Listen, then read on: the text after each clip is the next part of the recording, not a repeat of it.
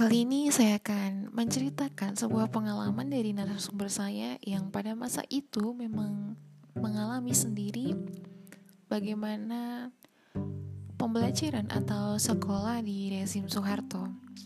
Kebetulan narasumber saya ini mengalami dari TK hingga kuliah awal di tahun pertamanya. Satu hal yang tidak pernah saya sangka adalah cerita yang bisa begitu mengalir dari narasumber saya ini karena dia menceritakan pengalamannya di tahun pertama di perkuliahannya bahwa dirinya sempat ikut berdemo turunkan Soeharto di masa atau di era demo mahasiswa se-Indonesia kala itu.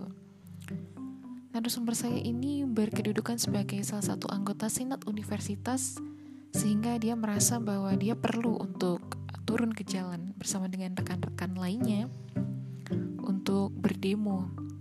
Dan ada satu peristiwa unik yang narasumber saya ceritakan yaitu ketika turun ke lapangan salah satu ketua senat dari universitas di Indonesia ditembak menggunakan sniper dan jaraknya jaraknya dengan narasumber saya itu hanya 5 meter Peristiwa itu ternyata diliput oleh beberapa stasiun televisi di Indonesia. Pada waktu itu narasumber saya berkuliah di Jogja dan dia berasal dari Salatiga. Ketika peristiwa itu diliput di salah satu TV nasional dengan tidak sengaja ayahnya itu melihat melihat anaknya jalan di bersama dengan rekan-rekannya berdemo dan ada pula yang ditembak dengan menggunakan sniper. Dan pada saat itu juga ayahnya langsung menelepon dan menyuruhnya untuk langsung pulang ke Salatiga. Dan kemudian um, narasumber saya kembali menceritakan bagaimana dengan kurikulumnya yang dia rasakan pada saat itu. Bagaimana dengan sekolahnya yang dia rasakan pada saat itu. Kalimat pertama yang keluar dari mulutnya katanya enak kurikulumnya karena dari tahun ke tahun itu sama. Itu artinya bukunya juga sama dan itu artinya bisa dilengserkan.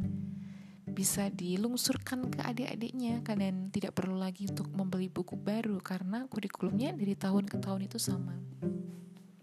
Dan hal yang paling dirasakan adalah pada saat itu memang sistemnya hanya guru berceramah dan siswa mendengarkan.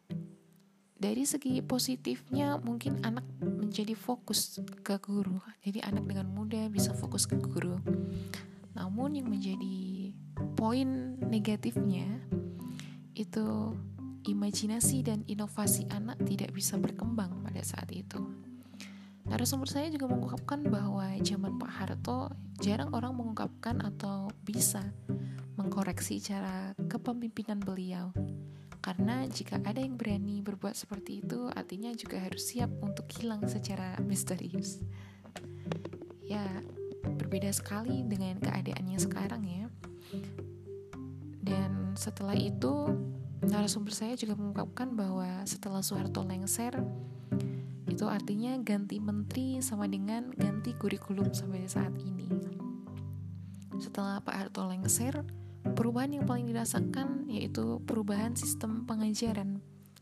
Dari yang satu sisi atau satu arah begitu yang seperti saya sebutkan tadi. Guru berceramah kemudian siswa mendengarkan. Diganti dengan model interaksi. Dua arah begitu ya. Kemudian anak-anak juga terlibat aktif di dalam diskusi. Dan guru pada waktu itu sebagai moderator.